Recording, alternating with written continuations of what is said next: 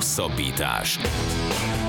Az Eurosport hetente jelentkező podcastje Farkasvölgyi Gáborral és Rév Dániellel. Sziasztok! Ez a Hosszabbítás Podcast 8. adása. Ezúttal is két fő témával, illetve a műsor végén az Ácsi rovattal várunk titeket.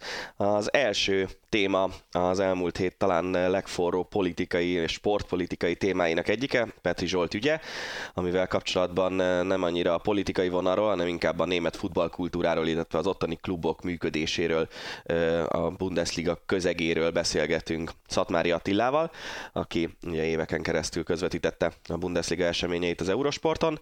Aztán golfal folytatjuk, hiszen a hétvégén megrendezték a Masters tornát, Hideki Matsuyama személyében egy meglepetés győztes is, meg nem is típusú golfozó nyerte a tornát, és a műsor harmadik részében pedig jön az Ácsi rovat, úgyhogy jó szórakozást kívánunk!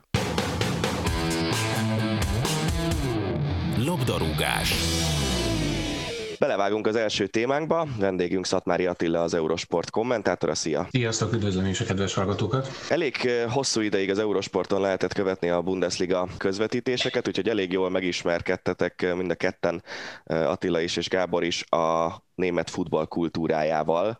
Mesélj Attila kérlek erről egy kicsit, hogy ott milyen a klubok működése, milyen szurkolói csoportok vannak, és, és úgy egyáltalán mennyiben más mondjuk a német futball közeg, mint a magyar. Igen, hogyha a különbségekre kell elsősorban a hangsúlyt fektetni, akkor azt mondanám, hogy abszolút üzleti alapon működik. A labdarúgás is üzleti alapon működnek a klubok Németországban, és ez mondjuk, ha a Bundesliga csapatokat nézzük, akkor ez a, akár a kiesés ellen küzdő csapatokra is maximálisan igaz, és, és nyilvánvalóan van egy olyan érték skálájuk, amely mentén próbálnak működni, ez pedig magában foglalja azt is, hogy, hogy hallgatnak a szurkolói véleményekre, és, és nagyon figyelnek azokra az értékekre, amelyeket képvisel akár a társadalom egésze, és azt gondolom, hogy ez volt egy picit tetten érhető most a Hertánál és Petri esetében is, ha az üzleti alapú megközelítést nézzük, akkor azt gondolom, hogy a legfontosabb, hogy hogy a játékosokra, illetve a klub alkalmazottakra is egyfajta erőforrásként tekintenek, egy olyan erőforrásként, amely nyilván közgazdaság értelemben az, arról szól a dolog, hogy a lehető legjobb játékosokat és alkalmazottakat szeretnék megszerezni, és nyilván ez úgy lehetséges, hogyha olyan munkakörnyezetet teremtenek, amely egy befogadó munkakörnyezet, amely nyitott minden irányba, hogy bárkit meg tudjanak szerezni, aki számukra alkalmas lehet. Ez nyilván egy, egy, egy bizonyos szempontból azt lehet mondani, hogy hogy nem egy emberi megközelítés, mert nem feltétlenül az emberi oldalát nézik ilyen esetben a dolgoknak, hanem mondhatjuk, hogy egy üzleti meg gazdasági megközelítés. De ebben az esetben az domborodik ki, és azt gondolom, hogy picit visszhangozza is Dárdai nyilatkozata is, hogy megy az élet tovább, és, és már a következő, most pontosan akarok idézni, úgyhogy megnézem, hogy pontosan hogyan is mondta Dárdai Pál, de ő is erre az oldalra, hogy a sport is üzlet, illetve az egyik ember elmegy, másik jön helyette, úgy fogalmazott, és ez nyilván arra utal, hogy az a cél és az az érdeke egy ilyen klubnak, hogy, hogy a lehető legjobb emberekből álljon össze, hogyha nem ennek megfelelően teszik a dolgukat a, a játékosok, vagy a különböző klubban dolgozó emberek, akkor ez az érdek sérül, és a csapat mondjuk úgy nem lesz annyira versenyképes, mint amennyire versenyképes szeretne lenni.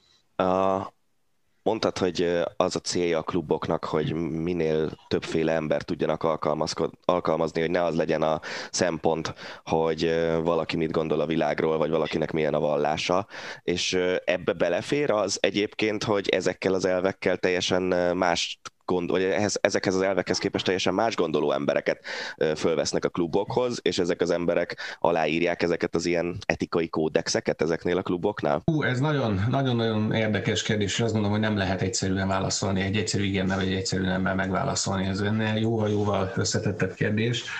De nyilván van egy jogi aspektusa is a dolognak, az, hogy ha aláír valaki egy szerződést, egy munkavállaló és munkáltató közötti szerződést, mint ahogy Petri esetében én nem tudom pontosan, hogy hogy volt, de azt mondják, hogy volt egy ilyen szerződés, amelyben különböző kitételeknek meg kell felelni, és ebben az is benne van, hogy a klub értékeinek megfelelően viselkedik, még akkor is, hogyha esetleg máshogy gondol dolgokat, akkor azt gondolom, hogy ez egy alapfeltétel, amely, amely szükséges az, hogy együtt tudjanak dolgozni és nyilván, hogy ha kicsit kivesézzük azt, hogy mikről beszélt Petri Zsolt, az egy picit szembe ment azzal, hogy nyitottak vagyunk és elfogadunk bármilyen emberi hozzáállást, és egy olyan csapatnál, ahol a 30 fős keretben 23-an külföldi munkavállalónak számítanak, vagy olyan felmerőkkel rendelkeznek, akik, akik külföldiek, egy olyan megjegyzést tenni, amely azért elsősorban a kirekesztésről és a nem befogadásról szól. Azt gondolom, hogy ezt a fajta munkakörnyezetet, amiről beszéltem, hogy egy befogadó munkakörnyezet is arról szól, hogy, hogy, hogy igazából a teljesítmény számít, és az, hogy, hogy olyan emberek legyenek, akik hozzátesznek a csapat érdekhez. Ezt egy kicsit megbontja, azt gondolom, hogy nem harmonikus munkakörnyezeté teszi, úgyhogy, úgyhogy talán ez lehet az oka annak, hogy, hogy úgy döntött a Herta, hogy ezt nem tolerálja, és nyilvánvalóan jön az a kérdés, amit te is azt gondolom egy picit feszegettél, hogy szólásszabadság van, és akkor ezt a szólásszabadságot úgy, úgy értelmezik néhányan, hogy bármit el lehet mondani. Nyilván a szólásszabadság, mint fogalomnak is vannak árnyalatai, és azt sem szabad úgy kezelni, hogy bármit elmondhatunk. Szólásszabadságnak az a foka, ami már kirekesztésről szól, és félig meddig nem erről az esetről beszélek általánosságban, úszítás irányba viszi a dolgokat, az nyilván nem elfogadható, és a szólásszabadságnak ez a pontja az, amit, amit semmilyen jogi bíróság meg senki nem tolerál. És az az igazság, hogy az a kijelentés, amely azért elhangzott Petri Zsolt szájából is talán nem annyira mondták, hogy vagy nem ez volt hangsúlyos belőle, de megmondom őszintén, nekem személy szerint azért nagyon-nagyon megütötte a fülem, az az, amikor arról beszélt, hogy rettentően sok bűnöző lepi el Európát, a bevándorlókkal kapcsolatban. Ez azért egy nagyon erős diszkrimináció, negatív diszkrimináció, amikor azt feltételezzük, hogy azok, akik szeretnének Európába jönni háborús helyzet vagy másokból, azokat a bűnözőkkel azonosítjuk. Ezek azok a pontok, azt gondolom, amely egy olyan országban, amely nyitott és, és nyitott azok felé, akik rászorultak, és szeretnének egy békés életet élni, az hát mondjuk úgy, hogy kicsapja a biztosítékot. És ez a Hertánál is nyilván kicsapta a biztosítékot. És főleg mindez egy olyan városban, ami a sokszínűségéről híres, és, és, és az, a, az az egyik legnagyobb vonzereje. Úgyhogy nem, nem véletlen, hogy mondtad, hogy kicsapta a biztosítékot a, a klubnál. Arról mit gondoltok, hogy, illetve mit gondolsz Attila, hogy Magyarországon ez talán, hát azt nem mondom, hogy szokatlanul nagy visszhangot, mert egyáltalán nem szokatlan, de óriási visszhangot kapott, olyan szinten, hogy politikai vonal is született a témában, bekérették a német ügyvivőt, megszólalt a magyar miniszterelnök, természetesen a, a külügyminiszter, vagy külgazdasági miniszter is, mindenki megszólalt a témában, nyilván a szurkolók is, a, az kérdés első fele, hogy mi gondolsz erről a vonulatról, a második fele meg, hogy a válogatottban ez nem fog éket verni szerinted, hogy van egy úgymond Gulácsi féle vonal, a jó ég tudja, hogy kiáll mellette, mert hogy senki nem volt annyira karakán, hogy kiálljon mellette, meg van egy Petri féle álláspontot képviselő vonal. A kérdés az első része, hogy én mit szólok hozzá, hogy ebből ekkora hát mondjuk úgy megosztottság lesz, nyilván nagyon nem örülök neki, mert azt gondolom, hogy eh, valahogy a diskurzus az úgy zajlott, hogy mi és ők, és valahogy úgy indult ez a beszélgetés bármilyen témában, akár Gulácsi nyilatkozata, akár Petri nyilatkozata kapcsán, hogy van az egyik oldal és van a másik oldal, Márpedig nem csak a labdarúgásban, de azt gondolom, hogy az élet más területén is az a fontos, hogy az emberek együttműködjenek, és ne harcoljanak és küzdjenek egymással. És eh, bármikor, amikor fölmerül egy kérdés, és ezt úgy közelíti meg bárki, hogy azonosítja magát egy különálló ideológiával vagy csoporttal, akkor én azt gondolom, hogy ezek gátakat emelnek az emberek közé. És, és én szerintem ez már innentől kezdve egy, egy olyan álláspont, amely, amely nehezíti a megértést, miközben ez nagyon-nagyon fontos lenne. És amikor fölmerül az, hogy véleményt formálunk, vagy nem formálunk véleményt, és ugye Petri is felvetette, hogy úgy gondolja, hogy egy sportolónak csak a sportkérdésekben kellene megnyilatkoznia, bármennyire is szembe ment azzal félig meddig sportolóként, hogy ő is megnyilvánult társadalmi eh, kérdésekben, akkor azért megint csak ott van az a példa a Bundesligában, az egyik nagyon kedvelt edző, a Freiburg edzője, Christian Streich, aki egyébként kilenc, több mint kilenc éve a csapat edzője, tehát egy, egy nagyon lojális és elfogadott személyiség a Bundesligában is, Németországban is. Ő rendszeresen meg szokott szólalni egyébként ilyen kérdésekben, tehát Németországban nem arról van szó, hogy tiltják azt, hogy egy sportoló és sportvezető megszólaljon a társadalmi kérdésekben. Ő elmondta a véleményt annak idején 2015-ben azzal kapcsolatban is, hogy a bevándorlás politika az Németországban hogy alakul és miért fontos az, hogy befogadók legyünk. Ő kinyilatkoztatta azt, hogy szerintem nagyon fontos, hogy befogadjuk ezeket az embereket, méghozzá azért, mert van egyfajta bizalmatlanság és egyfajta félelem az idegenekkel, a más gondolkodásmóddal szemben, és ezen kellene változtatni. Miközben elmondta magáról azt is, hogy ő ebbe az üzleti világban, amelyről a sport szól, szerinte egy picit kilóg a sorból, mert ő nem egy marketing típusú ember, aki jól eladja magát, mégis egy kultikus szerepkört tölt be nem csak Freiburgban, hanem máshol is, pont azért, mert olyan emberi értékeket képvisel, amelyek ezt a fajta nyíltságot és toleranciát eh, képviselik mindenki irányába, és nem azt, hogy ezek vagyunk mi, ezek vagytok ti, és nem, nem erre a fajta, fajta ellentétre építi fel azt, amit ő szeretne mondani, és azt gondolom, hogy tök jó lenne, hogyha ez, ez Magyarországon akár politikai vonalon, de más vonalon is megnyilvánulna, mert akkor sokkal jobban meghallgatnánk egymást.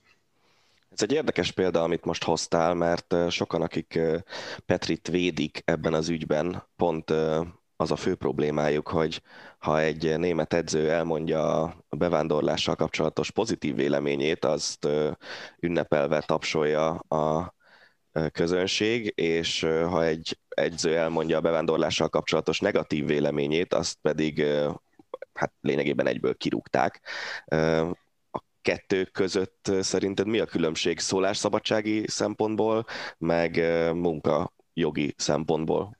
Az szerintem a lényeges különbség, amit már picit pedzegettem is, hogy nem mindegy, hogy ezt hogyan mondjuk el ezt a véleményünket, mert azt gondolom, hogy az a vélemény, amikor, amikor olyan tulajdonságokat, illetve olyan okokat próbálunk különböző társadalmi csoportok mellé rendezni, mint ebben az esetben az, hogy bűnözők ezek a társadalmi csoportok, vagy ezek az emberek, akkor az alkalmas egyfajta úszításra. És most lehetne hozni a példákat akár a holokausztal kapcsolatban, a holokauszt tagadással, illetve más ilyen jellegűekkel kapcsolatban. Ezeket súlyosan eh, retorziókkal illetik, annak ellenére, hogy mondjuk, hogy szólásszabadság van. Van az a fokozat, amely amely alkalmas a nyugalom megzavarására, és én azt gondolom, hogy ez már súrolja azt a határt, ez a fajta nyilatkozat egy olyan országban, ahol 16 millió bevándorló vagy bevándorló felmenővel rendelkező ember van. Hát gondoljunk bele, hogy ez azért a társadalomnak a 15-20 százaléka. Ez, ez bizony társadalmi összecsapások vagy társadalmi csoportok közötti ellentétek kiélezésé irányába mutat, még akkor is, hogyha, hogyha Petri Zsolt gondolhatta azt, hogy egy magyar nemzetben megjelenő interjú vagy beszélgetés az nem csap ekkora hullámokat. E, az is hozzátartozik, hogy egy picit változó világ van, és hozzá kell ahhoz szokni, hogy a közösségi médiának köszönhetően ebből e, akkora hír lett, hogy már Ausztráliában reagáltak rá a következő nap. Tehát nyilván ehhez is hozzá kell szokni egy sportolónak vagy sportvezetőnek. Petri esetében azt gondolom, hogy az is egy fontos elem, hogy ő egy pedagógus, ő egy példakép, akinek nem csak a tetteivel, de a szavaival is nagyon fontos hatása és szerepe van abban, hogy a fiatalok hogyan fejlődnek. Én azt gondolom, hogy ez is egy fontos szempont volt a Hertánál, amikor, amikor azt vizsgálták, hogy egyébként, ha az emberi oldalát veszük, akkor nekem nagyon hiányzik ebből a történetből az a fajta megbocsátás elem, hogy bárki hibázhat, bárkinek lehet egy félrecsúszott mondata. Petrivel kapcsolatban elmondták azt is, hogy tetteivel sohasem utalt arra, hogy ő, ő bármilyen kirekesztő magatartással lenne bárki iránt a csapatban vagy a szoros környezetében hogy hol van az az elem, amikor elfogadjuk, hogy hibázhat az ember, és, és megbocsátunk, ezt nem nagyon éreztem ebben a történetben.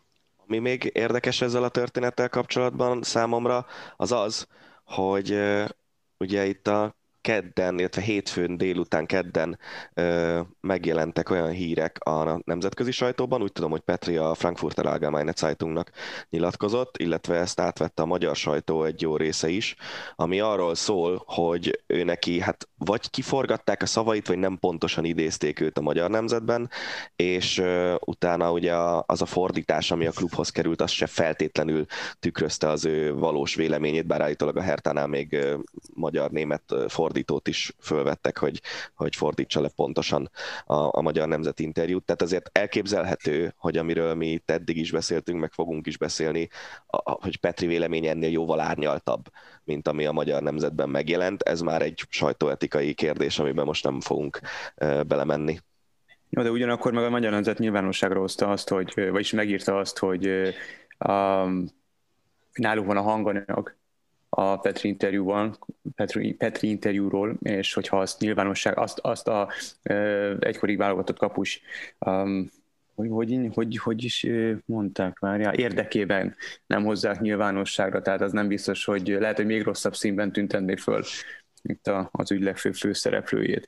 Amit számomra nagyon furcsa, az az, hogy amit az Attila is mondott, hogy, hogy az emberi oldalának, emberi oldaláról egy, egy kicsit van az emberben hiányérzet, hogy azért Petri Zsolt nagyon régóta Németországban dolgozik, nagyon régóta Németországban szocializálódott, a Hertha a Hoffenheimnek volt a, a kapusedzője, ha jól emlékszem, annak a Hoffenheimnek ami emlékszel, hogy egyszer a bayern játszott, és, és a, a klubtulaj ellen igen komolyan tüntetek a nézőtérről, és az egész mérkőzést beszüntették, és, és a Bayern játékosok leálltak, és Rumenige, meg, meg talán még az akkori vezetőedző is a pálya közepére vitte a, a Hoffenheim tulajdonosát, itt már Pasztem úgy hívják az úri embert, és, és nagyon keményen kiálltak mellett, ilyen üzenetértékű kiállás volt a, a, a, a tulajdonos mellett, tehát hogy tehát annak a Hoffenheimnek volt a, a, a, az alkalmazottja Petri Zsolt egykoron, szóval, hogy nem is az van, hogy, hogy amit, amit is itt, itt, itt pedzegettetek, hogy általában van, van, mindenhol van egy ilyen, ilyen három strike szabály, nem? Hogy, hogy egyszer hibázhatsz, akkor figyelmeztetünk, aztán lehet, hogy van egy írásbeli figyelmeztetés, aztán elválunk tőled, mert, mert ez, ez már összeegyeztethetetlen. Én is egy picit elhamarkodottnak érzem ezt, meg kicsit durvának, ugyanakkor elkezdtem azon gondolkodni, mi lenne az Magyarországon mondjuk egy Fradi vagy egy videóton a két abszolút kiemelt csapat házatáján e, próbáltam megkapargatni ezt a dolgot, ami hasonló módon kiverni a biztosítékot, és biztos vagyok benne, és most nem akarok belemenni politikai vonulatokba, hogy lenne olyan téma, elég, ha csak a, a magyar, magyar emberek számára nagyon érzékeny Erdély témát hozom fel, a, amivel belemenne egy külföldi edző, és, és tenne egy ilyen akár félreérthető, akár konkrét nyilatkozatot, mi azonnali kirúgással járna szerintem, és azonnali felháborodással is legalább ekkora hullámokat verne, mint a, mint a, a, a Petri ügy. Igen, én azt gondolom, hogy itt azért mérlegeltek olyan sportszakmai szempontokat is, hogy azért a Herteg nagyon nehéz helyzetben van, ugye kiesés elől menekül, nagyon éles a küzdelem, edzőváltás is volt, és nagyon-nagyon fontos ilyenkor az, az, hogy egy irányba menjen a klub, és az öltözői hangulaton ne ne legyenek lékek, mondjuk így. És én biztos vagyok benne, hogy ugyanúgy a menedzsmentben és a vezetőségben is tisztában vannak azzal, meg vannak azok az emberek, akik monitorozzák ezt a fajta hangulatot. Biztos vagyok benne, hogy ezt a döntést úgy hozták meg, hogy valamilyen szinten azért figyelték és érzékelték azt, hogy milyen ellentétet és konfliktust gerjeszthet ez a nyilatkozat, és valószínűleg úgy értékelték, hogy ez egy akkora sebet ejtett itt ezen a, ezen a kis közösségen, hogy ez valószínűleg bocsánatkéréssel, amely egyébként megtörtént, tehát hallhattuk is Petritől, valószínűleg nem lehetett volna visszacsinálni, vagy semmisé tenni, és emiatt is dönthettek így. És mondhatjuk azt, hogy ez egy embertelen, ez egy picit a csapat érdekeit és az üzleti értékeket, meg a sportszakmai dolgokat előtérbe helyező döntés, amely itt ezt a bocsánatkérést és a megbocsátást felülírta de valamilyen szinten azt gondolom, hogy, hogy meg lehet érteni. És még visszakanyarodva arra, amit mondtatok, hogy, hogy még megy az a fajta vita, hogy mi jelent meg és mi nem jelent meg a sajtóban pontosan ebből a nyilatkozatból, azért már az eredeti Herta közleményben is úgy nyilatkozott Carsten Schmidt, hogy a Zsoltal történt megbeszélés annak ellenére, tisztában vannak azzal, hogy itt azért voltak bizonyos jellegű problémák azzal kapcsolatban, hogy mi jelent meg is, mi nem, tehát ők ezzel már tisztában voltak, és külön fordítóval is egyeztettek, és így mérték fel a dolgokat. Annak ellenére döntöttek úgy, hogy ez a nyilatkozat ez az értékekkel szemben megy, és én gyanítom, hogy itt elsősorban a bevándorlókkal kapcsolatos hmm. megnyilatkozásai miatt döntöttek így. De ez Illet... csak gyanítás és feltételezés. Illetve még ugye az az érdekes, hogy a elvileg a klub alkalmazottainak egyeztetni kell az interjú kérelmeket a klub sajtósával, és itt, ha minden igaz, akkor ez nem történt meg. Úgyhogy akár már ez is, nyilván ez valószínűleg nem egy olyan mértékű fegyelmezetlenség, ami kirúgáshoz vezetett volna, de, de akár ez is szerepet játszhatott ebben a, ebben a menesztésben végül. Igen, ez is könnyen lehet. Nyilván ez, ez a jogi oldal a dolognak, amit nem látunk át pontosan, hogy mik, mik erre a megszabott eljárásrendek a klubnál, de könnyen lehet, hogy egy ilyenbe is ütközött. Nagyon sokan, nagyon sokan összemossák, vagy próbálják összemosni és párhuzamot keresni a Hrutka ügyel kapcsolatban. Um, ti, illetve te Attila látsz bármiféle párhuzamot, azon kívül, hogy ott is egy menesztés történt, ott is a témával e, kapcsolatban. Én úgy gondolom, hogy rengeteg, tehát nagyon kevés a, a hasonlóság a két ügy között, de nagyon kíváncsi lennék a véleményedre. Igen, megmondom őszintén, nekem is fáj az, amikor a, a szabad vélemény nyilvánításokán összemosnak két dolgot, amely közül szerintem nagyon fontos az, hogy hogy a szabad véleménynyilvánítás ez, ez mennyiben, mennyiben gázol bele emberek lelkébe, és mennyire gázol bele társadalmi csoportokba, és azt gondolom, hogy itt kell külön választani a két dolgot, hogy az egyik egy befogadó és, és toleráns szemlélet, amely, amely azt gondolom, hogy nem árt és, és nem megoszt, és van egy másik fajta megnyilvánulás, amely viszont alkalmas ennek a fajta nyugalomnak a megzavarására. És ezt itt érdemes ketté választani, és nagyon fontos szerintem ketté választani, és talán itt, itt kezdeném ezt a ketté választást rögtön ami a másik szempont szerintem, ami a nagy különbség a kettő között, és tényleg erre, amit Attila mondott, erre lehet azt mondani, hogy A vélemény, B vélemény, és más meg más gondol kirekesztőnek, vagy, vagy a társadalom számára károsnak, az az, hogy, hogy a Hertánál volt egy, egy konkrét klubkódex, és szerződésben foglalt pontok erre vonatkozóan, még nagyon úgy tűnik, hogy a, a Spiller TV-nél ott nem, mert hogy a klub közleménye sem arra hivatkozva, tehát a klub közleményében se arra hivatkoztak Rutka János menesztésével kapcsolatban, hogy ő bármilyen etikai kódexet megsértett, vagy, vagy ilyesmi, hanem azt mondták, hogy új szakértőkkel képzelik el a folytatást, amiből úgy tudom, hogy semmi nem lett. A hétvégén nem mutatkozott be új szakértő az angol bajnoki közvetítésekben és Biztos interjúztatják őket, Dani. Bizonyára, igen, igen. És, és ez azért egy fontos különbség, hogy az egyik esetben tudta az illető, hogy neki minek kell megfelelnie, a másik esetben meg nem tudta, hogy van egy íratlan szabály, aminek meg kell felelni. Igen, és azt gondolom, ennek az üzenete nagyon, nagyon más. Az egyik egy ugye, átláthatóság és tisztánlátás, hogy tudjuk, hogy mi miért történt. Ezt ugye nyilatkozatok alapján láthatjuk, a másiknál pedig nem. És nyilván ez egyfajta bizonytalanságot és egyfajta félelmet szül. És azt gondolom, hogy az alapján, ami, amit én egyébként beszélgettem másokkal, ez a félelem ez tetten érhető, hogy van ez a téma például, amire mi most beszélgetünk, és az ember akaratlanul is elgondolkodik azon, hogy szabad-e és merünk erről beszélni, és ez az, ami igazán káros szerintem, mert ez egy, ezek olyan témák, amelyekről, amelyekről szerintem jó beszélgetni, mert jó, hogyha megosztjuk egymással ezeket a gondolatokat, nyilvánvalóan a szabadság, a szólásszabadság azon korlátait figyelembe véve, amivel még nem inzultálunk másokat. Egy utolsó kérdés még a végére. El tudod képzelni, Attila, hogy Petri Zsoltot Németországban nem sokára alkalmazni fogja egy másik klub, vagy most azért parkolópályára fog kerülni emiatt? Fú, ez nagyon nehéz. Én azt gondolom, hogy egy olyan témában mászott bele, és sajnos ugye a politika is most elég komolyan belemászott ebbe a kérdésbe, hogy nagyon nehezen látom azt, hogy, hogy ő az elkövetkező, mondjuk úgy rövid távon, szerintem rövid távon nem, azt viszont el tudom képzelni, hogy közép és hosszú távon talán ennek a megbocsátásnak a jegyében ő szerepet kaphat, már csak azért is, mert azért, amikor a tetteket szembeállítjuk néha szavakkal, vagy azt mondjuk, hogy a tettek beszéljenek inkább, akkor azért a tettek mezén azt gondolom, hogy Petri Zsolt nagyon sok olyat letett az asztalra Németországban, ami miatt őt értékelni kell.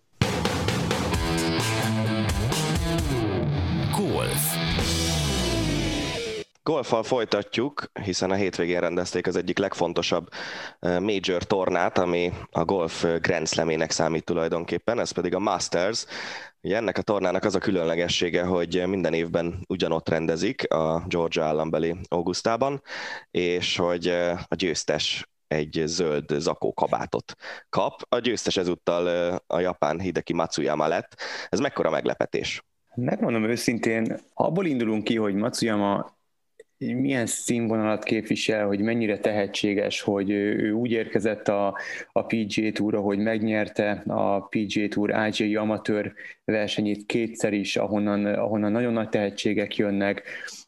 Japán első számú játékosa volt, és a mai napig az, hogy amatőrként, amikor itt volt a Masters-en, minden évben a Masters-re kap meghívott egy-két-három igazán tehetséges amatőr játékos az eredményeiknek megfelelően ő is kapott, és a legalacsonyabb ütésszámmal rendelkező amatőr lett, ezt is folyamatosan minden évben természetesen figyelemmel követik, és van egy ilyen kitétel, hogy a legeredményesebb amatőr játékos, akkor külön díjat kap. Ő kapta akkor, hogy van már 5 PG Tour torna győzelme, hogy mindenki borzalmasan tehetséges játékosnak tartja, és mindig csak 29 éves. Tehát ebből a szempontból nem volt meglepetés. Abból a szempontból meglepetés volt, hogy egy olyan tornán nyert, egy olyan, olyan pályán, amely nem feltétlenül fekszik neki, azért, mert hogy ő, ő azért nem feltétlenül volt híres arról, hogy négy napig folyamatosan kordában tudja tartani a koncentrációját, hogy nincsenek hullámvölgye, ugye kiegyensúlyozott játékos, nagyon jó ütőnek számít, tehát nagyon jól üti a labdát, viszont a játékának egyes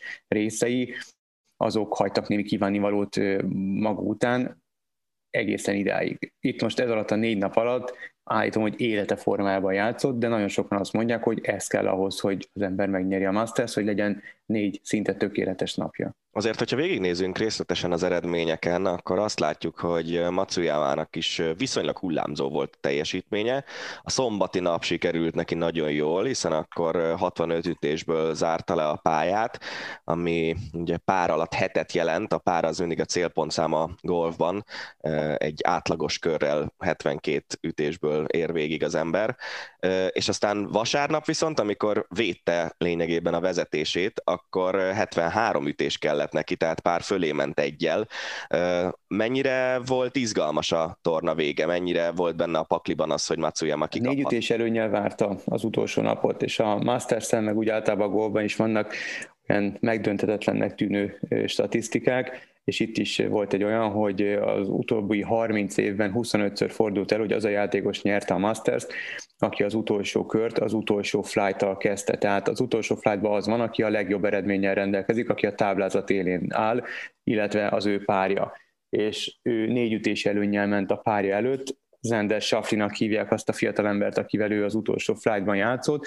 Ő is egy kiváló játékos, viszont nem először mutatta be azt, hogy döntő szituációban, miután még azért relatíve fiatal ő is, döntő szituációban bizony hajlamos elizgulni a dolgokat. Ezt már bebizonyította Phoenixben idén, illetve most augusztában is, amikor is egy elképesztő hajrát nyitott, azt hiszem négy szakaszon ütött bőrdít, az egyen jobb, mint az adott szakasznak a megalapított párszáma, és kettő ütésre megközelítette Matsuyamát úgy, hogy volt hátra, ha jól emlékszem, négy szakasz, tehát még meg lehetett volna simán, és négy problémás szakasz, meg lehetett volna simán akár a playoff, akár a győzelem is, és rögtön a negyedik bőrdi, ja, ráadásul Matsuyama vizet ütött, tehát benne volt egyfajta negatív élmény, és rögtön a következő szakaszon fogta Safli és bevágta a vízbe a labdáját. Az oké, okay, hogy egy agresszív ívet választott, de akkor is vizet ütött, tehát rögtön, rögtön rontott, innentől kezdve pedig kvázi eldőlt a, a verseny, hiszen három szakasz volt hátra, és még Matsuyama azt a luxust is megengedhette magának, hogy az utolsó négy szakaszából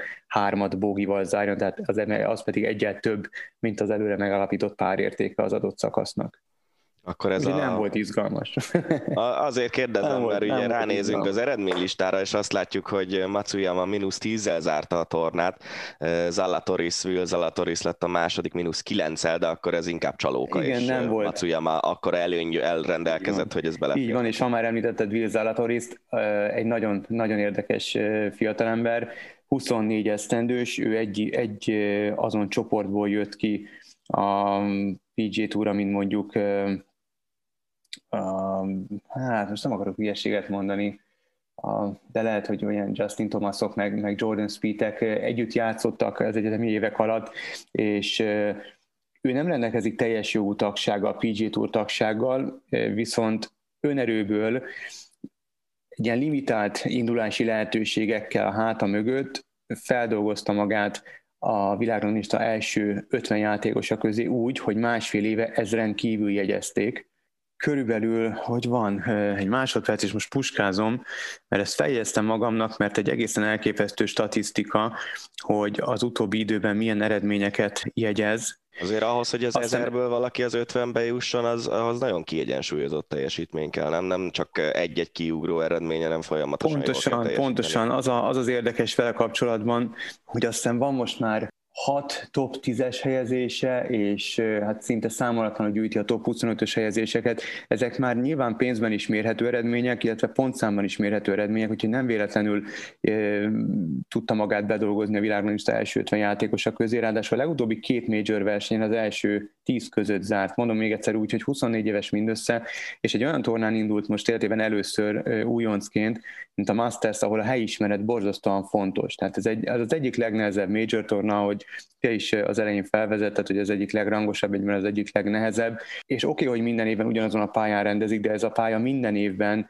más és más arcát mutatja. És borzasztóan nehéz maga a pálya, az időjárási körülmények is nagyon komolyan tudják befolyásolni, a, a lyuk elhelyezések is nagyon komolyan tudják befolyásolni, illetve akinek nincsen helyismerete, nincsen tapasztalata, az, az nagyon ritkán zár ilyen előkelő helyen, mint ahogy Zalatoris zárt. A torna úgy kezdődött el, hogy az első napon az olimpiai bajnok Justin Rose remekelt, és 65 ütésből lezárta a pályát, vezetett egész komoly fölényel a többiek előtt. Minek köszönhető az, hogy a golfban vannak ilyen kiugró napjai játékosoknak, amiket utána következő három napban nem igazán tudnak reprodukálni. Itt a lyuk elhelyezés, mert ugye a greenen belül, ha jól tudom, akkor napról napra Igen. is változtatják azt, hogy, hogy a lyukat hova helyezik el. E, ezen múlik a dolog, vagy egész egyszerűen van egy jó nap, és a többi napon átlagos valaki, akkor az meg nem elég a győzelemhez. Ez is abszolút igaz, amit, amit mondasz, hogy, hogy nagyon sokban befolyásolja a játékot az, hogy hova helyezik az adott greeneken a, a lyukat. Nagyon befolyásoló tényező az, hogy egy játékosnak épp aznap milyen a formája, illetve fejben mennyire erős, illetve az is nagyon sokat számít, hogy milyen az időjárás. Hogyha valaki reggel kezd, és még szélcsendes az időjárás, az egy ilyen pályán óriási előny. Ha szeles, akkor viszont természetesen nagyban megnehezíti a játékos dolgát. Justin Rose az 59. körét játszott az első napon, tehát egy nagyon tapasztalt játékosnak mondható, kívülről belülről ismeri az augusztai pályát, és egyszerűen egy, egy, egy remek napot fogott ki. A következő, és azt mondta, hogy, hogy a, a köre után úgy nyilatkozott, hogy a Greennek a gurító játéka az egyszerűen tökéletes volt. Tehát tényleg egy, egy, egy ilyen ihletett formát mutatott azon a napon. A következő napon, ha jól emlékszem, akkor pára hozta a pályát, 72 ütésből teljesítette, ott pedig az lehetett volna sokkal rosszabb is, hogy saját bevallása szerint türelmes volt, és, és egyszerűen próbálta a lehető legkisebb veszteséggel megoldani a második napon. Amikor az elején azt mondtam, hogy kell négy tökéletes nap, akkor a tökéletes napot nem feltétlenül ütésszámokban értem, hanem hogy fejben rendben legyen a játékos, hogy itt ez az augusztai pálya az olyan szinten tud büntetni, mint semmelyik másik pálya szinte a, a túr pályái közül. Erről és amikor tudsz Justin mesélni kicsit bővebben, hogy, hogy ez, igen, ez, ez, van így? Maga a pálya elhelyezése, a, a széljárás, illetve a, a térségre ilyenkor jellemző időjárás miatt borzasztóan keményé válik a pálya. Tehát a, a greeneken azokat úgy kell elképzelni, mint egy, mint egy ilyen, ilyen, ilyen aszfaltot szinte, milliméter nagyságú a, a fű, és borzasztóan megkeményedik. Tehát amikor magasról ráesik a labda, akkor, akkor relatíve könnyebben lehet ívesen esik rá a labda, akkor lehet, relatíve könnyen lehet megállítani a labdát a greenen, ha viszont meredeken érkezik rá, akkor óriásit pattan, és lehetetlenség megállítani ezeken a gyors greeneken a, a labdát, és ebben különbözött a novemberi, ugye a, kor- a koronavírus miatt elhalasztották a 2020-as Masters-t, és novemberben tudták április helyett megrendezni. Az mutatta a legnagyobb különbséget, hogy a bizonyos évszakokban mennyiben másabb lehet a pálya karakterisztikája novemberben, sokkal puhábbak voltak a greenek, sokkal puhában voltak a, a fervélyek. A fervé az az elütő rész és a green közötti pálya részt ö, hívjuk így, tehát a pálya törzs része, ha lehet így mondani. Sokkal puhábbak voltak, sokkal könnyebben lehetett megállítani a labdát, sokkal agresszívebben lehetett játszani a pályát. Most áprilisban, amikor, is, amikor szinte, hogyha valaki nézte a tévéközvetítéseket, akkor lehetett látni, hogy egyes helyeken már ki volt égve a green, hogy, hogy, hogy inkább ilyen barnásabb volt a, a green borzasztó kemény volt a pálya, és egyszer lehetetlen volt a labdákat megállítani. Rutinos játékosok mondták azt, hogy ennyire kemény, ennyire nehéz, még sosem volt a Masters, mint, mint az idei esztendőben. Ez nagyon érdekes, hogy az időjárás ennyire befolyásolja a körülményeket. Azt gondolná az ember, hogy ezek a greenek, ezek azért nagyjából állandó állapotban vannak az évben, és oké, okay, hogy szépen karban tartják őket, lenyírják, stb., de hogy pont azért, hogy, hogy nagyjából kiszámíthatóak legyenek a viselkedéseik. Borzalmasan kiszámíthatatlan ez a pálya, és a, a mostani torna során is volt a negyedik napon egy, egy időjárás miatti halasztás, 40 percet állt a játék körülbelül, mert viharosra fordult az időjárás, és esett az eső is, és akkor például egy picit fel is púlt a pálya. Tehát az, az megint csak egy picit segítette a játékosokat, és egy picit, picit könnyebbé váltak a greenek, ha, már, ha egyáltalán ezt a szót lehet használni az augusztai pályával kapcsolatban. Beszéljünk egy kicsit magáról a helyszínről, mert ugye Georgia állam mostanában eléggé benne van az amerikai hírekben. Az ottani republikánus pártvezetés egy olyan szabályt fogadott el, ami, ami megnehezíti leginkább olyan néprétegek szavazási jogait, ahol, ahol a feketék túlreprezentáltak az átlagos mértékhez képest. És ugye a Major League Baseball, ami az egyik legfontosabb amerikai sportszervezet, úgy döntött, hogy éppen emiatt elviszi Atlantából az idei All-Star meccsét, és Denverben rendezik majd meg a mérkőzést, és nagy részt ugye nagy cégek, Coca-Cola, Delta, amelyeknek Atlantában van a központja, e-, ezeknek a az inspirálása nyújtotta a táptalajt ennek a döntésnek, tehát ezek a cégek akarták azt, hogy, hogy ez a döntés megszülessen. Tudom, hogy szentségtörés lenne a, a Masters-t elvinni máshova, de nem merült föl az, hogy vagy ne rendezzék meg, vagy valamiféle tiltakozás, nem tudom, hogy volt-e a, a golf a PGA Tour részéről, hiszen ugye a PGA Tour is ugyanolyan profitorientált szervezet, mint amilyen a Major League Baseball. Um, a Masters tehát a major tornák sorában a Masters, illetve a British Open például kilóg a sorból olyan szinten, olyan szempontból, hogy tehát ilyen halmazon belüli torna, hogyha lehet így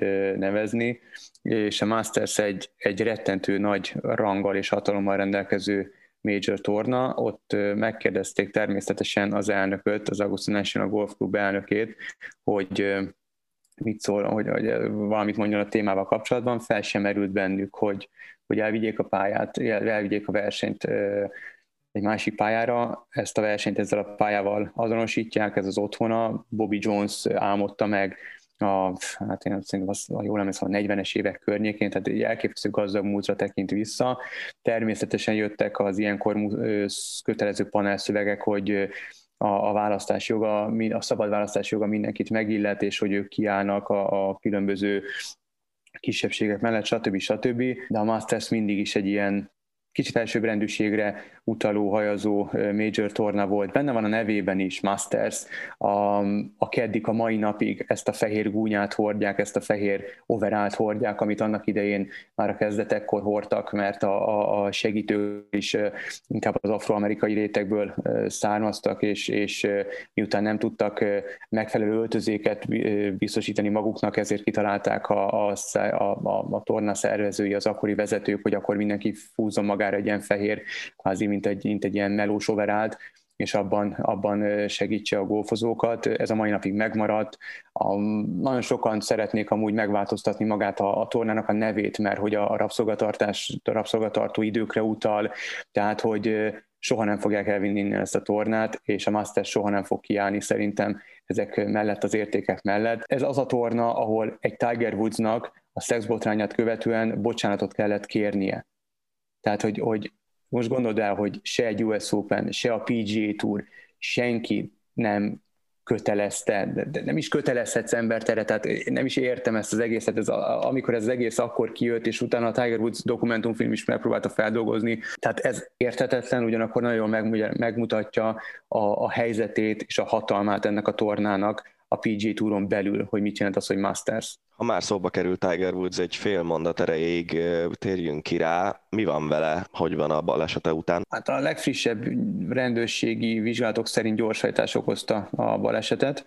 Ezt nyilvánosságra hozták, mert Tiger Woods és a csapata engedélyt adott arra, hogy nyilvánosságra hozzák, úgyhogy kiderült, hogy gyorshajtás okozta ezt a balesetet.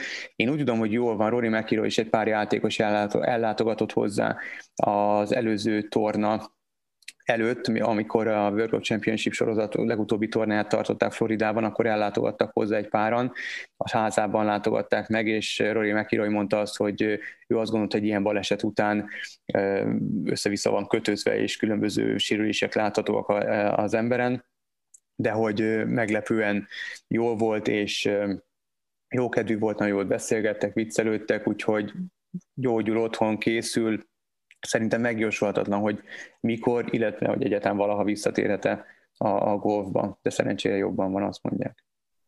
Ez mindenképpen jó hír.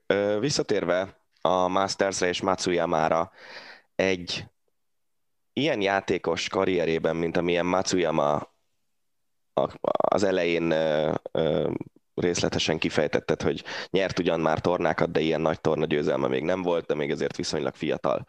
Ez mennyire lehet fordulópont ez a győzelem? Innentől kezdve vele gyakorlatilag minden tornán, ahol elindul, úgy kell számolni, hogy az esélyesek egyike, vagy pedig láttunk a múltban arra is példát, hogy egy-egy ilyen torna győzelem az nem változtatott nagyon egy játékosnak a státuszát. Én úgy gondolom, hogy Matsuyama-val eddig is mindig minden tornán számolni kellett, csak valahogy mindig, nagyon sokszor volt arra példa, hogy az utolsó pillanatokban valahogy közbe jött valami. Tehát úgy, úgy elment a játék, vagy elment a koncentráció, tehát közel négy éve nem nyert tornát, miközben azért volt a rengeteg top 10-es helyezése, top 5-ös helyezése, tehát egy nagyon jó játékos, egy borzasztóan tehetséges játékos, vele mindig is számolni kellett. Én úgy gondolom, hogy, hogy az, hogy tudott nyerni a Mastersen, az, az számára is egy bizonyíték erejű dolog, hogy ő képes a nagy tornákon is kiváló teljesítményre. Én inkább onnan közelíteném meg, hogy, hogy az ő győzelme az milyen hatással van a sportágra globálisan, mert szerintem ebből a szempontból kell vizsgálni igazán, hogy ő az első japán játékos, aki nem hogy, major, nem, nem hogy Masters, de Major-t nyert a PGA Touron. Ázsiai győztese volt már Major tornának, Japán győztese még nem volt a golfban, és Japánban azt hiszem Nick Faldo mondta ezt, hogy közel 10 millió igazolt golfozó van, tehát óriási piac, és imádják a golfot, meg vannak érte őrülve, és hát azért vannak nagy márkák, amik, sportszergyártó márkák, amik természetesen szakosodtak a golfra, tehát globálisan óriási jelentősége van ennek a győzelemnek, és szerintem ebből a szempontból is nagyon fontos, Matsuyama szeméből kiindulva természetesen egy önbizalomnövelő győzelem az ilyen. Nagyon sokszor volt, ahogy mondtad te is példa arra, hogy, hogy egy játékos megnyerte a Masters, de se előtte, se utána nem volt igazából számottevő győzelme. Most kapásból tudnék öt olyan nevet mondani, aki, akire igaz ez a megállapítás. Matsuyama szerintem egy sokkal jobb játékos, sokkal összetettebb játékos náluk, úgyhogy én úgy gondolom, hogy az ő pályafutására ez óriási hatással lesz, és,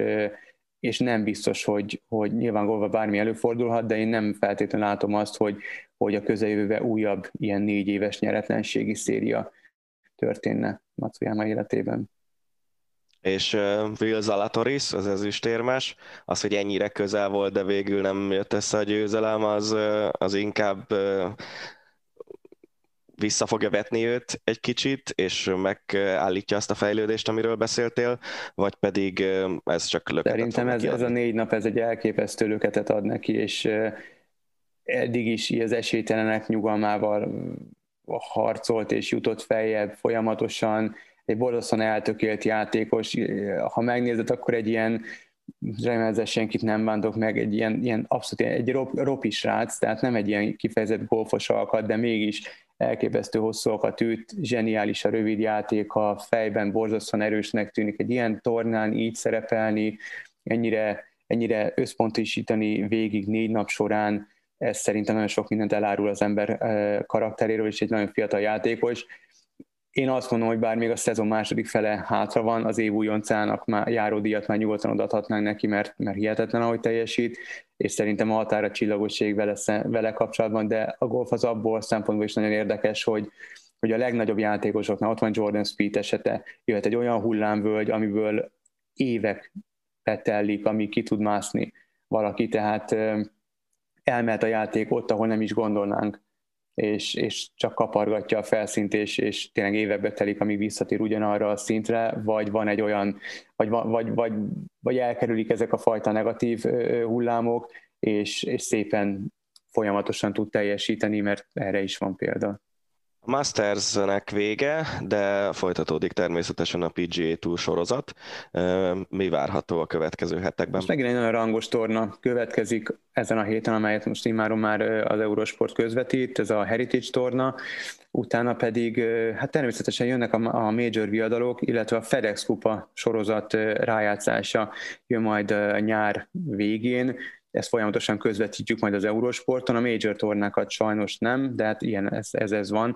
A különböző jogok lépnek életbe ilyenkor, és, és más televíziós társaságok közvetítik a major tornákat kint az Egyesült Államokban is, de még rengeteg izgalmas torna várja az Eurosport nézőit, úgyhogy megéri szerintem a csatornával tartani. Ácsi.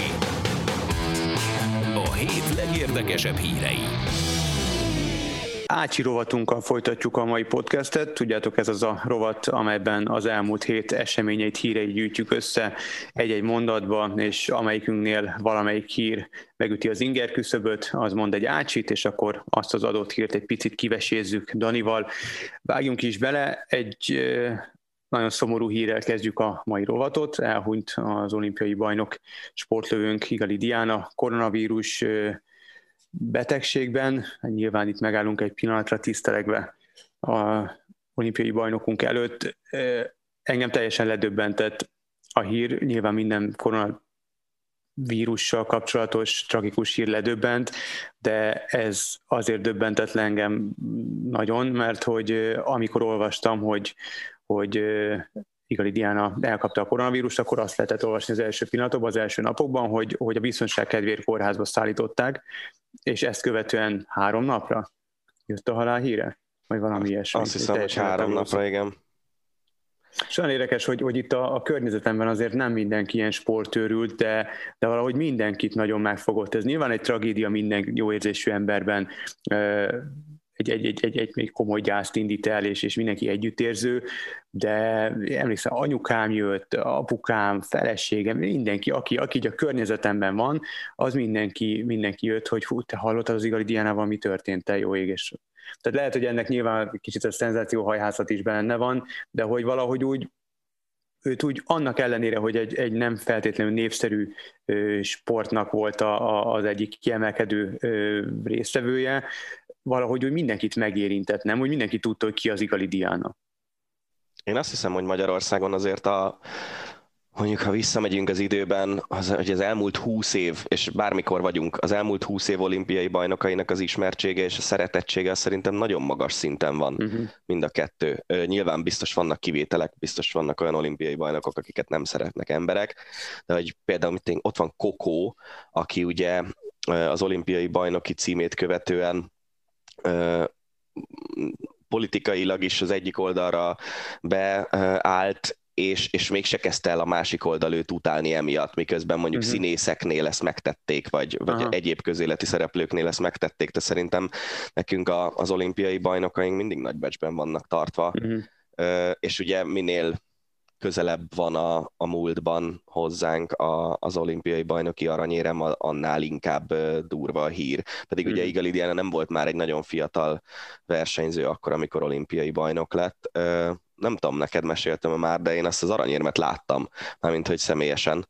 Te kim voltál Aténban, nem? Igen, igen, én kim voltam Aténban, és aznap valamilyen vívó verseny volt, amin voltunk apukámmal, és a Vivo versenyen csapatverseny volt, arra emlékszem, hogy milyen fegyver nem, arra már nem. Kiestek a magyarok, és valahogy ott egész közel voltunk Gulyás Lászlóhoz, aki a rádióban közvetítette a uh-huh. emlékeim szerint azon az olimpián a vívást, és akkor ő mondta, hogy az Igali Diana nagyon jól áll. Ugye ez 2004, tehát nem volt az, hogy okos telefon, nem tudom, Uber, uh-huh. izé, hanem valami olyasmi rémlik nekem, hogy hogy vagy valami vonattal, vagy vonattal és kocsival eljutottunk a bekötő útjáig a, a lőtérnek, és aztán onnan még betaxiztunk ö, a, a lőtér bejáratáig, ahol a jegypénztár már zárt, mert hogy ugye alig volt hátra mm. valamennyi a versenyből, és, és teljesen hülyének néztek minket, hogy mi miért akarunk kifizetni fejenként 10 eurót egy, egy sportlövészetre, úgy, hogy már vége van gyakorlatilag a versenynek. Azt hiszem, hogy Igali Diánának az utolsó két vagy három lövését láttuk. És hogy körülbelül, nem tudom, ott volt mondjuk 500 ember a lőtéren talán a, a nézőtéren, annak egy jelentős része ilyen időközben beeső magyarokból, meg nyilván az ő személyes ismerőseiből állt, és és ilyen, igen, egy ilyen 100-150 magyar lehetett, és ilyen hatalmas ünneplés volt, meg felhőtlen. Arra Jó. emlékszem, hogy, hogy, hogy az egy ilyen családias jellegű aranyérem volt, mert a, ott elég szerencsésen választottunk eseményeket, meg jegyeket, de én ott voltam a, az atlétikán, a két doppingos aranyérmet is élőben láttam, a, aztán amiről ugye akkor nyilván nem tudtuk, hogy ez egy doppingos aranyérem, aztán később vízilabda döntőn is ott voltam, tehát hogy úgy nagyjából azért egész sok aranyérmet láttunk. Azért ezek óriási élmények. Nagyon. A, a családból a, a lányok, a hugom és az anyukám, ők látták a, a Vörös Zsuzsa aranyérmét, mert mi éppen azt hiszem vízilabda elődöntőn uh-huh. voltunk apukámmal, tehát tényleg, tényleg nagyon sok mindent láttunk, ami szép magyar siker volt, kajakkenun is voltunk, de hogy ez volt az egyetlen, ami tényleg ilyen családias volt, hogy ott, uh-huh. ott kevés ember is volt, a magyarok is nyilván kevesen voltak, és volt egy ilyen hangulat az egésznek, hát nem tudom, tudtunk fotót csinálni Igali Diánáról, úgyhogy wow, ott állt tőlünk három méterre vagy öt méterre, meg aláírta uh-huh. a zászlónkat, úgyhogy a aranyére motlógott a nyakában, tehát tényleg ez egy ilyen, ez egy ilyen nagyon személyes személyes élmény, úgyhogy emiatt talán egy kicsit engem jobban is fejbe vert ez a hír, uh-huh. de hát sajnos Persze. ilyen hírek még lesznek is valószínűleg. Így van, így van. Na hát ilyen hírek után nehéz tovább menni, de, de tovább kell menni, és ugye megszokhattátok, hogy amikor azt mondjuk, hogy csokorba szedjük a híreket, akkor az is sportágok szerint is, úgyhogy most a labdarúgás csokra következik. A nagyon friss hír, tegnap este láthattátok kedd hogy ha éppen néztétek, hogy a Bayern München címvédőként kiesett a bajnokok ligájából, szerintem a, a, egy borzalmasan szomorú hír, de ezt majd valahogy túlteszem magam rajta, illetve, hogy a Chelsea tovább jutott. Igazából amiért nek, szerintem ez, erről egy picit beszélhetünk, nem felhánytorgatva a Bayern vereséget, hogy ennek az idegenben lőtt gólnak mennyi értelme van. Ugye erről sokat beszélgettünk, ennek a szabálynak mennyi értelme van. Sokat beszélgettünk, főleg most a vírushelyzet kellős közepén, amikor hát nincsenek nézők, nincsenek szurkolók a stadionokban, tehát olyan mindegy, hogy most idegenben lövöd a gólt, vagy oda-haza. Uh, mi nyilván nem Csak nem erre akarsz, erre akarsz nem, hivatkozni, hogy egy, egy hülye szabály miatt esett ki a Bayern. Nem, megmondom őszintén, arra akarok hivatkozni, és nekem ez fura, mert a Bayern az mindig arról volt híres, hogy, hogy mint egy ilyen profi kőkemény profi atléta abszolút ö, ö, háttérbe tudja szorítani azt, hogy éppen mi történik körülötte, és nagyon hideg fejjel meg tudja oldani az éppen előtte álló feladatot csapatként. Tehát a Bayern mindig erről volt híres, hogy a, a, az FC Hollywood becenevet illesztették rá a csapatra, de igazából rá a Bayern soha nem volt igaz az, vagy nem lehetett tetten érni, hogyha volt valami belső vita, vagy valami kis, kis repedés a kohézión, akkor, akkor az úgy meglátszott volna a szereplésén. És most meglátszott, mert most lehet hallani a híreket, hogy a sportigazgató Hassan Salihamidzic, illetve az edző Andy Flick nincsenek túlságosan jóban, és hogy, hogy vannak különböző visszás problémák kettőjük között, és ez, ez meglátszik sokak szerint, és hát meg is látszott esetleg a csapat szereplésén. A, esetleg meg a sok sérült nyilván, tehát ez a két dolog, amire egy szerintem visszavezethető a Bayern veresége, meg hát jobb volt a PSG, bármennyire is nehéz ezt beismerni. Figyelj. E- ebben nem vagyok biztos már, mint hogy jobb volt a PSG. Volt? Én az első meccset bevallom őszintén, hogy nem láttam múlt héten, nem tudom már mit csináltam, de azt azt, azt hiszem, hogy Székely Dávid közvetítette a meccset, és azzal kezdte, hogy, hogy a vesztes csapat XG mutatója kettő és féllel magasabb volt, mint a győztesé az első meccsen, és hogy nem tudom hány százezer meccsből mm-hmm. hatszor fordult ez elő valami, valamelyik nem tudom, statisztikai cég kiszámolta ezt. Ugye ez az XG mutató, ez a, a helyzetek alapján várható gólok száma. Igen. Tehát az első meccs az inkább a Bayernnek állt, és a második, második meg, én bevallom őszintén azt is, hogy olyan 70 percig néztem, aztán elaludtam, de de második meccs első fél idejében én azon röhögtem, hogy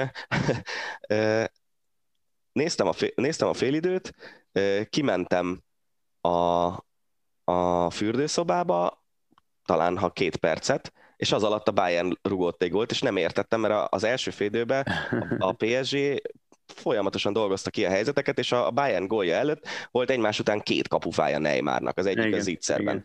Volt egy helyzet, amikor a partjelző, vagy asszisztens teljesen rosszul lestintett Mbappé megindulásánál, pedig ugye ilyenkor az most a szokás, hogy hagyja elmenni az akciót, aztán hogyha les volt, akkor utólag megnézik. És, és valahogy egy ilyen félidő után a Bayern, Bayern vezetett egy góllal, és egy gólra volt a továbbjutástól. Aztán, hogy a másodiknak a második felében mi történt, azt mondom, már nem láttam, de, de ezen a meccsen a PSG egyértelműen jó volt.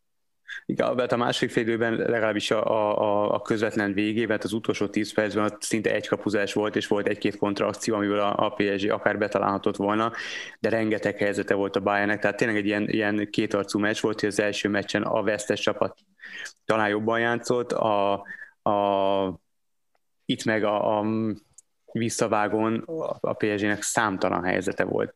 Igen. A, Úgyhogy nagyon sokat lehetne erről a meccsről beszélni, megint az jutott eszembe, hogy, ez a, hogy, hogy minden tisztelt a Neymar, illetve Mbappé is, de hogy ezek a, ezek a hihetetlen zsenik, hogy milyen szinten nem tudják félrerakni az egójukat, az, ami elképesztő. Tehát Neymar is, nem tudom, két-három szituációban adhatott volna, úgy tényleg egy ilyen forintuszas labdákat a, a játékos társadalmi csapattársainak is kihagyhatatlan helyzetbe hozhatta volna őket, de nem ő akarta megoldani, mert, mert a jó ég tudja miért. Tehát, hogy ezek, igen, igen, igen, órákat ez... lehetne beszélni erről a meccsről, meg az ilyen meccsekről. Azért azon csodálkoztam el, hogy van ez a Sport Bible nevű Facebook oldal, ami mm-hmm. ugye egész érdekes videókat szokott néha kirakni ilyen alsóbb szintű sporteseményekről, én leginkább ezért követem, és most kiraktak egy cikket, hogy, hogy a Neymar megmozdulásait, hogyha összevágjuk a Bayern elleni meccsről, akkor kiderül, hogy még a gót vitába is beszállhat a teljesítményével, és én azt mondtam magammal, hogy persze olyan cseleket csinált meg, ami nagyon szép volt,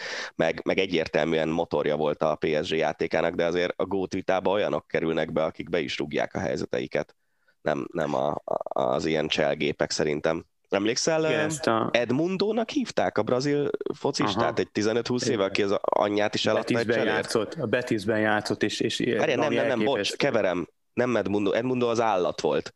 Igen, ő, ő nem, nem az a cseles, Denilson. Nem, de, Denilsonra gondolok. A Betisben játszott, az, az, az megvan, és, és valami egészen elképesztő, hogy, hogy milyen cseleket ö, ö, tudott megengedni magának, és pont ahogy mondott, hogy tényleg az anyját eladta volna egy cserér.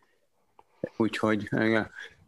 Érdekes, hogy a, a, a mérkőzés után Hegedűs Henrik is, az M4 szakkommentátora is ezt emelte ki, hogy, hogy persze baromi jó a Neymar, de hogy kvázi ilyen őségváltást lehet felfedezni a PSG-nél, hogy Mbappé átvette az irányítást, mert hogy ő berúgja a helyzeteket. Legalábbis nagyobb száma, nagyon nagyobb százalékban értékesíti ezeket a helyzeteket.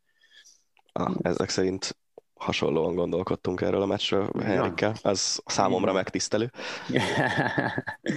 no, tovább a fociban. Hát eh, itt most szemezgetek a hírek eh, között, hát ami mindenképpen nálam kivert a, a, a hogy megütött az inger küszöböt, az, az, az a hír, mi szerint teltházas EB meccseket ígért a kormány az UEFA-nak, rajtunk kívül senki sem ígért hasonlót. Szerintem ez óriási, óriási felelőtlenség. Én nem, nem nagyon szeretek ilyen politikai jellegű kérdésekben élesen nyilván, vélemény nyilvánítani, mert pont nem, nem feltétlenül arra van szüksége szerintem a magyar társadalomnak, hogy tovább polarizáljuk, de, de szerintem ez egy óriási felelőtlenség, és az a durva, van egy, egy barátom, aki őrült ö, sportrajongó, és bedobta a közös group chatbe, hogy, hogy eladja az EB jegyeit, magyar meccsekre vannak jegyei, mert hogy ő nem akar ebben az ember kísérletben részt venni. Uh-huh. És, és teljesen megértem. Én, én nekem csak a, én is igényeltem jegyeket, nekem a portugál-franciára jutott, azt szívesen adtam el, nem tudom, némi haszonnal, mert az euró árfolyam az közben romlott, még, hmm. mikor megvettem ahhoz képest, meg, meg mikor visszaadtam ahhoz képest, és, és én még magyar meccsre azt mondom, hogy lehet, hogy ki is mennék, főleg, hogyha védett leszek, de, de amúgy teljesen megértem, hogy, hogy vannak emberek, akik nem akarnak ebben részt venni. Úgyhogy szerintem ez egy nagyon komoly felelőtlenség, és főleg úgy, hogy hogy a védettségi igazolvány azt, azt el fogják kérni a belépéshez, de védettségi igazolványt az is kap, aki mondjuk meg, megkapta az első oltását. Így van, így van. És, hát de most azért hallani lehet, hogy a kínai vírus sem feltétlenül úgy véd, ahogy azt az elején gondoltuk. Jó, tehát... azt szerintem az, az, az, ez, a, a, ez egy ilyen tipikus média dolog szerintem, tehát azt nyilatkozta tudtommal, vagy én legalábbis elsőre is azt láttam, hogy azt nyilatkozta az ember, hogy a hatékonyságon lehetne még javítani. Uh-huh. Ez, ez nem azt jelenti, hogy rosszabbul véd, mint a, amennyire mondták, hanem hogy még lehet javítani a hatékonyságon. És szerintem ez, ez egy ilyen félrefordítási kérdés elsősorban, meg azok, akik érdekeltek abban, hogy a kormány támadják, azok ezzel tudják támadni, hogy na hát igen, a kínai igazgató is azt mondta, hogy. Uh-huh. Szerintem ez, ez, ez, ebben nem kell belelátni ezt, és én úgy láttam, hogy másnap egyébként egy pontosítást ki is adott ez a kínai uh-huh. cég, hogy, hogy azt mondta, hogy lehetne még javítani, nyilván hát a 90 21%-on is lehet javítani, de, de szerintem nem kell feltétlenül ettől izgulni, meg kell nézni, hogy az emberekben kialakulnak-e az antitestek, és ha nem, akkor meg kezdeni azzal a helyzettel valamit, de, de egyelőre ugye erre nincsenek adatok. Uh-huh. Na ja, Um, Bodnár másik, ami, másik ír, ami nálam abszolút megüszötte az inger küszöböt. Bodnár László egykori válogatott labdarúgónk, nem tudom, hogy emlékszel rá, um, Debrecenben játszott. Igen, alacsonyabb, alacsonyabb középpályás volt, nem? Vagy jobb, igen, jobb, nem, jobb hátvéd? Védő. Igen, aha, magyar Dani ah, ah, igen, igen, akkor megvan, akkor megvan. Szóval a Magyar Nemzetnek adott interjút, amiben az is kiderült, hogy ha nem sérül meg, akkor 2007-ben Kakával és Zédorfal felálló Ácsi Milán szerződtette volna, de hát sajnos megsérült, mert hogy nyaralásból jött haza, elment kispályára focizni, megsérült, elszakadt a keresztszalagja, és ennyi volt. Azért a Debrecennel utána meneteltett szépet a, a BL-ben. Ő lett volna Kafu utódja? Most megnéztem, Kafu 2008-ban vonult vissza, úgyhogy lehet, hogy úgy, úgy gondolta Bondár László, hogy, hogy egy évig tanul Kafutól, és aztán övé a jobb hátvédposzt. Nem tudom, ezek, ezek, ezek olyanok, mint hogy... játékos volt, kőkemény jó, játékos hát nem volt, Milán szintű. Nem hiszem, hogy abban a Milánba befért, befért volna, viszont emlékezz, hogy a Dinamo Kievben ő folyamatosan játszott, és ez a Lobanovski féle Dinamo Kiev volt, ahol tényleg a, a, a hányásig hajtották a játékosokat, és, és tényleg rémtörténeteket lehetett mesélni a felkészülési időszakról, és az a csapat azért az egy, az egy folyamatos BR résztvevő, nagyon jó kis európai csapat volt, tehát európai elit csapat, ha lehet, lehet így mondani, és Bodnár László abban a csapatban folyamatosan kezdő volt. Oké, okay, de az szerintem még mindig nem ugyanaz a szint, mint hogyha az ember a, a, az Arzenál, vagy a Milánban mm. kezdő. Egyébként ugye ő négy évet töltött a Dinamo Kievben, és 2007-ben a Red Bull Salzburg játékosa volt, ami akkor még messze nem volt olyan, olyan szintű csapat, hogy, hogy onnan ilyen szoboszlaik, meg ilyesmi játékosok mm. kerüljenek ki. Nem tudom, ezek a nyilatkozatok szerintem semmi értelme nincsen, és, és tényleg ez arra jó, hogy most beszélünk róla az ő részéről. Szerintem ki tudja, hogy ez igaz-e. Nem fogjuk tudni Na bizonyítani ja, soha. Számomra kicsit furcsa, tehát ez olyan, mint hogyha nem tudom, azt mondaná a csurgó bal szélsője, hogy őt a THV kereste a nyáron. Nem, nem nagyon hiszem, hogy ez, ez, ez így, így lenne de mindegy, hát nyilván most valamiért nyilatkozta ezt, nem tudjuk, hogy miért, csak ne, azt nem tudom ezeket a dolgokat, hogy, hogy miért 15 évvel, vagy most jelen esetben 14-jel később meséli ezt el. De biztos vagyok benne, hogy itt van valami susmus a háttérben. Hmm. Az is lehet. Na és ahhoz mit szólsz, hogy autogramot kért a partjező Halantól a Man City Dortmund mérkőzésen, és ezt követően eltiltotta a Román Szövetség, az UEFA pedig állás foglalt, ebben hangsúlyozták, hogy elfogadhatatlan és méltatlan, hogy aláírást kérnek a hivatalos személyek a játékosoktól. Az ügy pikantériája, hogy 250 ilyen aláírása van ennek a partjelzőnek híres focistáktól, és az eladásukból autistákat támogató szervezeteknek ajánlja fel a bevételt. Én azt hiszem, hogy ha, ha egy asszisztensről lehet azt tudni, hogy ő, ő bármilyen alapítványba ö, tehát úgy, úgy gyűjt erekéket, hogy alapítvány, alapítványok részére felajánlja a bevételt, akkor a csapatok maguk adnának aláírt mezeket, aláírt mit tudom én miket. Uh-huh. Ebben majdnem biztos vagyok. Mert hogy ugye minden, minden csapatnak ez talán leginkább a Petri ügy kapcsán derült ki, az ilyen társadalmi felelősségvállalások fontosak. Uh-huh. Úgyhogy én azt hiszem, hogy, hogy az, hogy ő ezt stikában csinálta, vagy, vagy valam félig meddig stikában, az semmiképp se jó. A, maga a cél az egyébként szerintem nemes. Az jutott eszembe, hogy, hogy tényleg ugye az, az nagyon, nagyon ciki például újságíróként aláírást kérni valakitől. De, de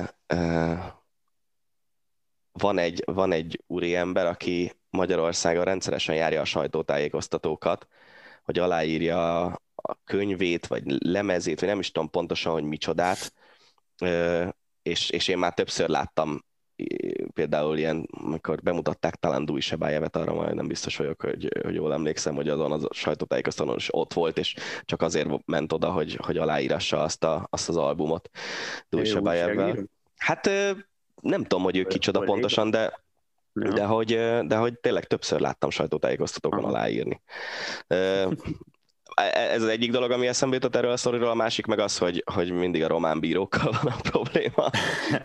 Igen, De ez már inkább csak vicc. Ez már inkább csak vicc. Úgyhogy hát igen, ez egy, ez egy ilyen nehezen megítélhető történet szerintem, mert van bele baj, de közben meg egyébként tényleg egy, egy olyan gesztus, ami szerintem szép dolog. Mm. A Gerett Bél szinte minden héten, ugyanúgy, mint a román játékvezetők vagy partjelzők, Gerett Bél is minden héten bekerül az Ácsi rovadba. Most is, most éppen nem a golf miatt, hanem azért, mert a Tatanem YouTube csatornán arról beszélgetett egyik csapattársa, hogy ő bizony hisz az ufókban, sőt, mi több, volt is már ufós kalandja. Bérről még milyen hírek fognak napvilágot látni? Jó ez kérdés. Egyébként ez az UFO dolog, ez szerintem tök érdekes, mert az, hogy hogy hiszel az ufókban, tehát hogy ez a mondat ez önmagában ugye azt jelenti, hogy, hogy azt gondolod, hogy vannak földön kívüliek az univerzumban, uh-huh. és én például azt gondolom, hogy vannak földön kívüliek az univerzumban, mert az univerzum akkora, hogy, hogy egyszerűen statisztikailag valószínűbb, hogy, uh-huh. hogy vannak más civilizációk is, és hogy nem csak nálunk alakult ki intelligensnek nevezett élet, aztán lehet, hogy egy másik civilizációhoz képest az az mi intelligencia szintünk az meglehetősen alacsony. De nyilván itt azért más szintről van szó, hogy, hogy Bél ufós kalandjairól beszéljünk. Nem biztos, hogy ilyen magas röptűek. Ja, figyelj, vannak, akik megtehetik, hogy ilyeneket, ilyeneket mondogatnak, hogyha ha ő hisz benne, higgyen. Én... Persze, hát nincs ezzel semmi gond, sőt én nem, nem gondolom, hogy Bélt elrabolták az ufók, vagy találkozott ufók. Pataki Attilával együtt. A gyorshajtás okozta Tiger Woods súlyos autóval esetét februárban. Ez mit szólsz? Hát elég szomorú, de azt azért tegyük hozzá, hogy ez megint egy ilyen nehezen megítélhető kérdés. Azt tudjuk, hogy mennyivel ment? És igen, mennyi azt, helyett? Igen, a, fú, most a 40 helyet azt hiszem 80-nal, tehát... Na az, az gáz. Mert ugye a gyorshajtás az lehet az is, hogy a 40 helyett 50-nel ment, ami azért nem... Nem, jóval média. gyorsabban ment, tehát uh, itt most lehet, hogy nem 40, hanem 80, de az is le, hanem, hanem 60 és 100, de hogy ilyen komoly, komoly, komolyan túllépte a megengedett a sebességet, ráadásul egy nagyon problémás útszakaszon. Hát az, az gáz. Ráadásul ugye az a baj ezekkel az SUV-kkel, hogy nagyon magasan van a súlypontjuk, és hogyha elkezd lengeni az autó, akkor nagyon könnyen fölborul. Igen, ez a jávor szarvas teszt, ez nem, a, nem annyira nem, nem. megy nekik, bár azért ez egy elég hiper-szuper járány volt. Nekem az jutott eszembe erről az egészről, 72 km helyett 135-tel ment, Ági segített. Na, milyen szóval, jó. Uh, ugye milyen jó kis asszisztensem van? Na, ez, igazából azon gondolkodtam, hogy én, én óriási Tiger Woods fan vagyok, és rengeteget gondolkodtam ez az egész ügyén, ahogy a szexbotrányos ügyén is rengeteget gondolkodtam. Ez a csávó, ez szerintem önmaga a legnagyobb ellensége. Tehát ez, erre jutottam, mert amikor ő a csúcson volt, akkor elment tengerészgyalogos kiképzése, mert ő rohadtul azt akarta, hogy, hogy meg, mert már egyszerűen nem volt más kihívás, azt akarta, hogy megtanulja azokat a, a bunyós dolgokat, azokat a az erőlétét úgy fejlesz mint a tengerészgyalogosok, hogy, hogy megtanítsák a fegyverforgatásra, mert az édesapja az harcolt Vietnámban, és ő ugye nem volt katona. A, utána jött, jóval utána jött ez a, ez a szexbotrány, ami, ami egy nagyon csúnya ügy volt, és amiben kicsi híja volt, hogy bele nem bukott, és ott nagyon meg kellett alázkodnia, nagyon-nagyon sokáig nem is jöttek a győzelmek, megakasztotta a pályafutását, üzletileg is nagyon érzékenyen érintette, és akkor most itt van ez a, a különböző ö, sérülések után, a, amit nyilván a, a ez a tengerészgyalogos edző, edzésmódszer, mert minden más ö, is elősegített, és akkor utána itt van ez az autóbaleset, ami megint azért van, mert mert, mert nem figyel oda, mert azt hiszi, hogy érinthetetlen, vagy jó ég tudja, hogy miért nem tudom, vagy egyszerűen csak figyelmet hát, nem. Figyelj, ugye arról beszéltünk szerintem, amikor megtörtént ez a baleset, akkor ugye egy 20 percet erről beszélgettünk, vagy még többet, hogy hogy miért nem alkalmaz sofőrt, és akkor ugye az uh-huh. volt az indoklás, hogy, hogy legalább egy kicsit hadd legyen ember. Jó, ja, csak akkor nem ennyi 80 a 40-es táblánál. Ja, ja, ja. Szóval Yeah. Azért nehéz, nehéz erre mit mondani. Nagyon, nagyon. Maradva az Egyesült Államoknál, Paul Pierce, nem tudom, hogy megvan a hallgatóknak, biztos sokan emlékeznek rá, a Boston Celticsnek volt az emblematikus figurája, bajnokságot nyert a Celtics-szel, sose szerettem, de ez igazából egy, egy ilyen mellék vágány, a Margó kívül, szóval az ESPN-nek volt a munkatársa, szakkommentátorként dolgozott az ESPN-en, és azért csak dolgozott, mert hogy kirugatta magát, úgyhogy másfél millió dollárt kapott egy évre szakkommentátorként, ami azért nagyon komoly pénz. Szóval járványügyi szabályokat nem tartotta be. Pierce egy élő videót indított pénteken az Instagram oldalán, amelyen barátaival pókerezik, iszik és dohányzik, miközben táncos nők veszik őket körül a szobában. Tökéletesen látható a felvételeken, hogy a járványügyi biztonsági intézkedések kicsit sem zavarják a volt kosárlabdázót, ez, ez egy idézet volt a cikkből emeltem át. Mennyire okosnak kell ehhez lenni. Van egy ilyen mondás, nem, hogy kiveheted az embert a gettóból, de a gettót nem veheted ki az emberből, vagy valami hasonló rémlik nekem, uh-huh. hogy az, az, amerikai meg a fekete slangben van egy ilyen mondás, uh-huh. uh, és, és tehát tényleg egész egyszerűen van, van egy ez a viszonylag rosszabb körülmények között fölnőtt, de a sportban nagyon meggazdagodott rétege az amerikai sportoknak, és ez inkább a feketékre jellemző, de azért nem kizárólag, tehát ne, ne csináljunk ebből ilyen rassz ja, kérdést persze, természetesen. Persze. Szóval Szóval... Meg bőven van ellenpélda is. Meg bőven van ellenpélda. Tehát tudnék mondani, persze, természetesen, sokat. ez úgyhogy ez semmi, semmi esetre sem erre akarok kifutni de hogy tényleg egész egyszerűen a, a szegény rétegből kikerült gyerekek, akik meggazdagodnak, azok nagyon nehezen tudják sokszor kezelni ezt a gazdagságot. Mm. Az NFL holt szezon híreinek szerintem a fele körülbelül arról szól, hogy ilyen bűncselekmény, olyan bűncselekmény. Tudom. Tehát most még ráadásul ugye itt a járvány miatt ilyen dolgokat, mert egyébként senki nem szólt volna egy szót se a Pierce prostikkal vagy táncos nőkkel körbevéve pókerezik, meg iszik, meg szivarozik a barátaival, mert csinálja, hát megvan rá a pénze, megvan rá a lehetősége, csak most járvány van. Olimpia. Japánok 72%-a koronavírus járvány újabb hullámától való félelme miatt azt szeretné, ha törölnék az idén nyára halasztott Tokiói olimpiát, hogy ismét módosítanák az időpontját. Hát a mondat utolsó fele az nyilván nem játszik, tehát még egy módosítás nem lesz, ez vagy törlés, vagy nem, de szerintem nem lesz törlés, tök hogy akarják, vagy nem akarják. Ami azért fura, nem? Nekem legalábbis fura. Tehát, hogyha ekkor ellenállás lenne a, a a saját országomban, és most nem feltétlenül Magyarországról gondolkodom, akkor... Nem, de ebbe politikusok belebuknak szerintem. Én pont ezt mondtam, nem emlékszem még, amikor a rádióban beszélgettünk Gergővel, meg Gáborral erről az olimpia lesz a témáról, uh-huh. még nem tudom mikor, januárban, vagy valami uh-huh. ilyesmi, hogy, hogy azért akkor azt hiszem 16%-a támogatta az olimpia rendezést a japán társadalomnak, most akkor ezek szerint már föltornázták, gondolom, elég intenzív kampányjal hmm, közel 30-ra. Én azt gondolom, hogy ilyen, tehát gondolj bele, hogy, hogyha van egy, egy kormány döntés, teljesen mindegy, még Magyarországon is, ami a társadalom 70%-ának nem tetszik, azt valószínűleg nem húzzák meg. Uh-huh.